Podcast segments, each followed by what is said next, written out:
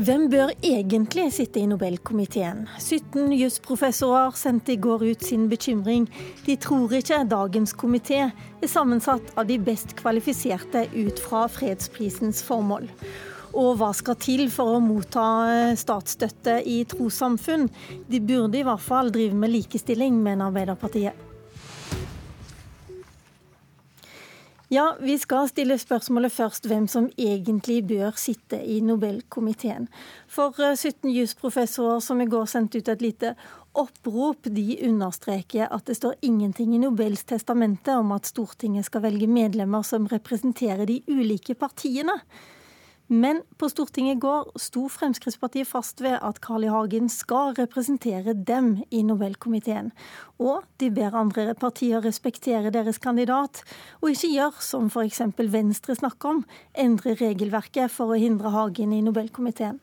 Jeg håper jo ikke det skjer. Eh, det vil i så fall eh, være i strid med all tidligere praksis. Eh, at partiene skal blande seg inn i hverandres kandidater til de ulike verv komiteer og utvalg som Stortinget skal oppnevne. Ja, I snart 70 år så har partiene fordelt Nobelkomitémedlemmer etter styrkeforholdet på Stortinget. Og når en kandidat er valgt, så har ikke de andre brydd seg så mye med det. Men er det sånn det bør være? Nobelforsker Øyvind Stenersen, du har skrevet om fredsprisens historie.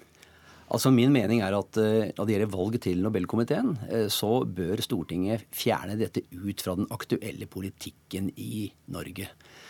Og Det kan man gjøre ved at man oppnevner en komité, f.eks. presidentskapet, hvor da eh, man har en åpen tilnærming til dette her, med representanter fra de forskjellige politiske partiene, som så da kan komme med en innstilling til Stortinget, og så kan man diskutere dette på fritt grunnlag, uten nødvendigvis å binde seg til eh, den partimessige styrken i Stortinget.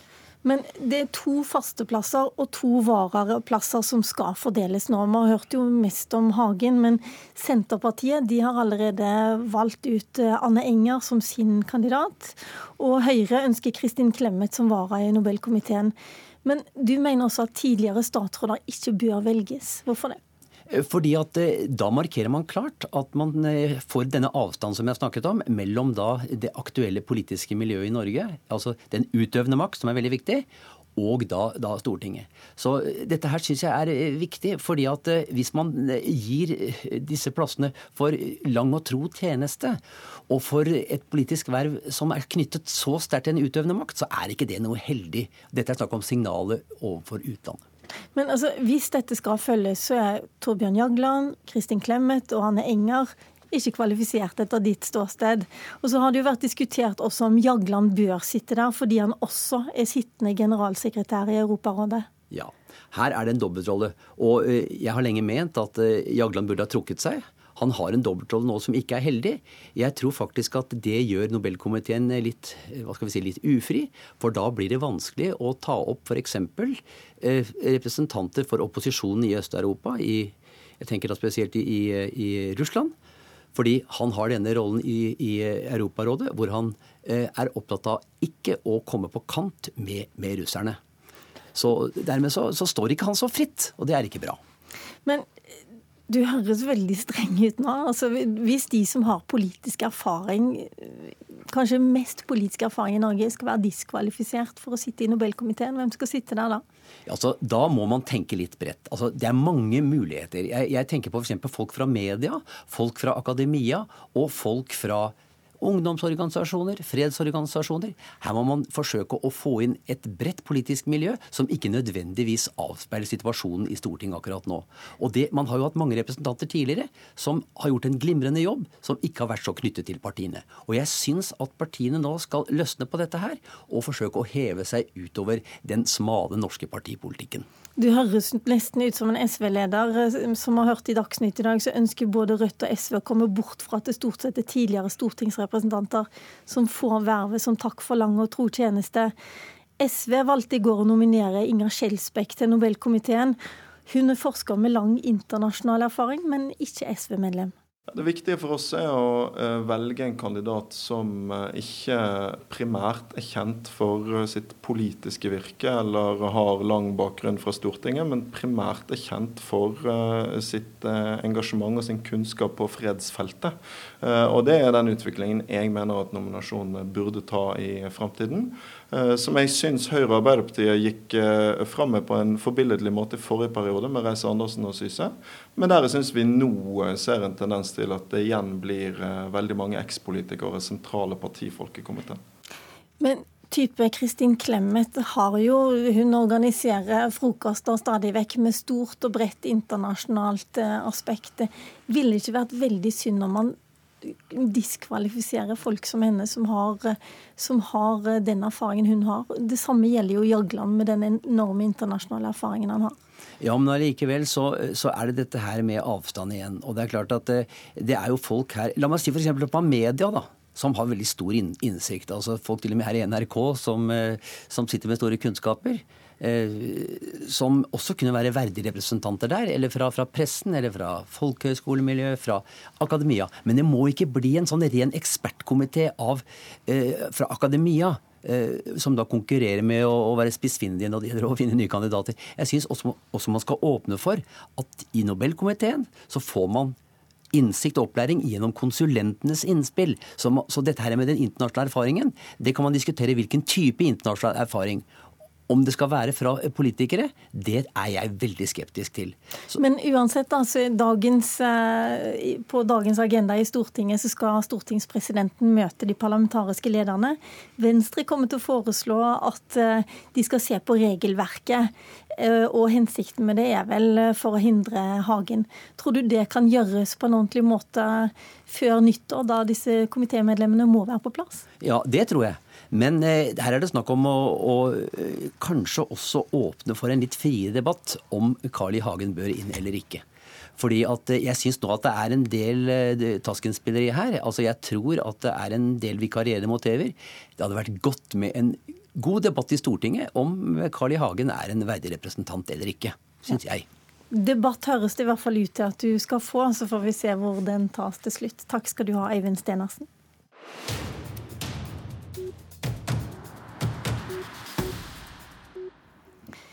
Den norske staten sponser flere hundre trossamfunn her i landet med til sammen flere hundre millioner kroner. Og Er det da rimelig å forvente at eh, de som skal ha støtte av myndighetene, bør følge noen minstekrav til likestilling og integrering? Å stille krav, det er å bry seg. Det er mottoet til integreringsministeren i Høyre-Frp-regjeringen. Men samme regjering sier altså nei til å stille likestillingskrav til trossamfunn. Hvorfor er Tone Trøen, leder i barne- og familiekomiteen i Stortinget, du representerer Høyre? Tros- og livssynssamfunn har eh, en helt åpenbar eh, rett til Eh, også å ha en eh, selvstyre, et eh, indre autonomi. Og vi er redde for at det å sette denne type krav faktisk er et brudd på, på religionsfriheten. Vi, vi, bør ikke og skal ikke bruke økonomiske virkemidler for at trossamfunnene skal oppnå andre samfunnshensyn som vi mener er, er viktige. Men så er det selvfølgelig utrolig viktig at kvinner har en plass eh, også i styrene. Og det er jo mange trossamfunn som jobber godt med det. Eh, men det å kvotere er, eh, kan altså være et brudd på, på eh, trosfriheten og samfunnenes autonomi og selvbestemmelse. Og et brudd på menneskerettighetene. Og det er alvorlig. Tros- og livssynsfriheten skal stå veldig sterkt i vårt samfunn. Ja, det er brudd både på trosom, trosfriheten og kanskje menneskerettighetene. Masud Gharahkhani, du sitter i familie- og kulturkomiteen for Arbeiderpartiet. Og likevel så vil dere ha 40% kvinnerepresentasjon i, i styrene i trossamfunn. Hvordan får du det til å stemme? til å rime? Altså, Vi bor jo i et fantastisk land hvor uh, staten til og med betaler trossamfunnene store summer for at du skal ha muligheten å praktisere din egen religion, og det er bra. Men da mener jeg vi skal stille en del krav. Eh, vi bor i Norge, et fantastisk land som bygger på en del viktige verdier. Det er frihet, demokrati og likestilling. Og Dessverre så er det enkelte som ikke aksepterer det. Det fins enkelte som tviholder på den ukulturen og holdningene som kanskje er grunnlaget for at man flykta til Norge. Og det må vi slå hardt ned på. Det skal ikke få grobunn i Norge. Derfor så ønsker vi å stille en del tydelige krav til trossamfunnet, f.eks. de muslimske trossamfunnene, som har blitt de største møteplasser for mange muslimer i mange lokalsamfunn.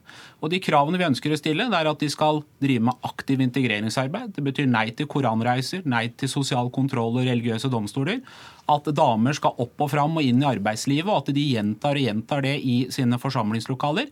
Og så er det å sette krav om minst 40% kvinner i styrene.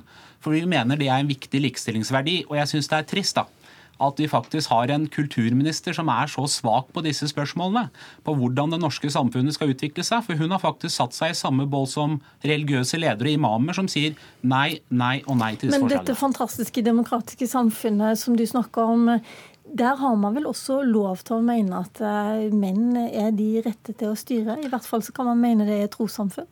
Jeg mener at i Norge så har likestilling vært en av de viktigste verdiene. Det er det som gjør Norge til et fantastisk land. Det skal vi være stolte av. Og da skal vi si at kvinner skal også ha hånda på rattet i utviklingen. Alle trossamfunn skal ha styrer. Og hvorfor skal ikke kvinnene være med? Altså Ikke kom og si til meg at det ikke fins damer i moskeer. Det er bare at mannfolka lar dem ikke slippe til. Da skal vi være tydelige på det, at likestilling gjelder i Norge. Punktum. Men det Arbeiderpartiet burde være mye mer ærlig på, er jo at dere sier ikke eh, 40% kvotering til kvinner i eh, styrene. Punktum. Dere sier at de trossamfunnene som eh, de, de må faktisk etablere ekstra styrer. For dere mener jo ikke at man skal kvotere inn der hvor religionsutøvelsen eh, styres. Dere mener at mange trossamfunn, vi har 783 trossamfunn i Norge som får, får tilskudd. Eh, dere mener også at eh, man ikke skal kunne pålegge 40% kvotering inn i, i, de religiøse styrene. Dere vil egentlig at man skal lage en sånn skinnprosess hvor, hvor kvinnene kan få lov å sitte i de administrative styrene, men ikke rundt styrebordet. Og Hvis du hadde snakket med de kvinnene i moskeen i Arendal f.eks., som jeg møtte på mandag, bl.a. Ashar Hashi, så sa hun det var ikke aktuelt for oss å sitte i et eget styre bare for at moskeen f.eks. skulle si at her har vi kvotert inn kvinner. De ville sitte rundt det samme bordet som mennene. Og det forslaget dere har fremmet, er jo ikke i det hele tatt, tar jo ikke i det hele tatt dette her på alvor. Og så må jeg bare få lov til Ja, å si nei, nei, la, la Gharahkhani få svare på Det det, er riktig at man ikke har mulighet til å stille krav til de teologiske utvalgene. Men det er sånn at mottar du statsstøtte altså bare For eksempel så er det jo ca. 148 000 mennesker som tilhører muslimske trossamfunn. De mottar rundt, eh, ja, rundt 150 millioner kroner i statsstøtte. Alle trossamfunn skal ha et styre som skal styre pengespørsmål, men også skal styre hvordan skal det enkelte trossamfunn utvikle seg. Der mener vi at det skal være damer. Det er viktig, minst 40% Det sett i sammenheng med våre forslag, som også de damene kulturministeren samlet til en Men debatt. Gharahkhani, kanskje du bare Jeg skjønner ikke helt dette her med at altså, de skal få lov til å, å være bare menn, eller hvem de vil, når det gjelder trosspørsmål, sier du da. Men hva slags, eh, hva slags eh, styreutøvelse er det de skal ha? Jo, altså Det er jo slik at alle trossamfunn som mottar penger, og må ha et administrasjonsstyre. Og det administrasjonsstyret må diskutere hvordan skal det enkelte trossamfunn utvikle seg. Og hva minst skal unntas? Det som skal unntas, det er det teologiske spørsmål, for der har vi ikke muligheter med tanke på menneskerettigheter. Men vi kan stille krav til de administrasjonsstyrene. Og det setter sammenheng med alle de andre forslagene vi stiller. Obligatorisk opplæring for religiøse ledere og imamer. At de forstår hva slags verdier Norge bygger på. Likestilling. At de skal jobbe med kampen mot sosial kontroll, mot religiøse domstoler. Så vil vi tvinge fram likestilling, og det er nødvendig. Og her burde kulturministeren vært med på dette, satt seg ned sammen med Arbeiderpartiet og sagt det er dette Norge skal bygge på i tida fremover. Men det, men det kulturministeren har gjort, er jo å sende en ny lov på høring. Og Arbeiderpartiet eh, kommer jo nå med forslag som er eh, veldig premature. Mange av disse hensynene er jo drøftet og drøftet i det, eh, den høringen som nå er ute. Arbeiderpartiet ønsker egentlig å konkludere før høringen er ferdig. Men er det høringen... det som er problemet, at du vil konkludere etterpå, eller er det Nei. problemet at du er imot her nå? Nei, altså vi er, jo helt, eh, vi er jo helt enige. Det er jo det som er litt uh, pussig. Hva er at- du enig i, og hva er du imot da? Nei, Arbeiderpartiet sier jo akkurat det samme, og, og anerkjenner akkurat, akkurat den samme uh, friheten som disse trossamfunnene skal ha i forhold til religionsutøvelse. Men betyr det at du kan også gå med på 40% i administrative styrer? Nei, vi, vi har jo sagt at vi tror det er helt feil. Vi mener jo helt bestemt at kvinnene skal sitte rundt bordet. Da må trossamfunnet jobbe sånn som man f.eks. har gjort i, i moskeen i Arendal, hvor man jobber eh, innenfra. Og de kvinnene som har vært med på den kampen, og det har vært en kamp der nede, de sier at nei, de tror ikke på kvotering. De tror at det er viktig å jobbe innenfra for å få kvinner med rundt hele bordet. Ok, Ikke enighet om 40% men mulig enighet om andre ting når først debatten kommer ordentlig i gang i Stortinget. Hjertelig takk skal dere ha. Mitt navn det er Lila Sølhusvik, Politisk kvarter igjen i morgen.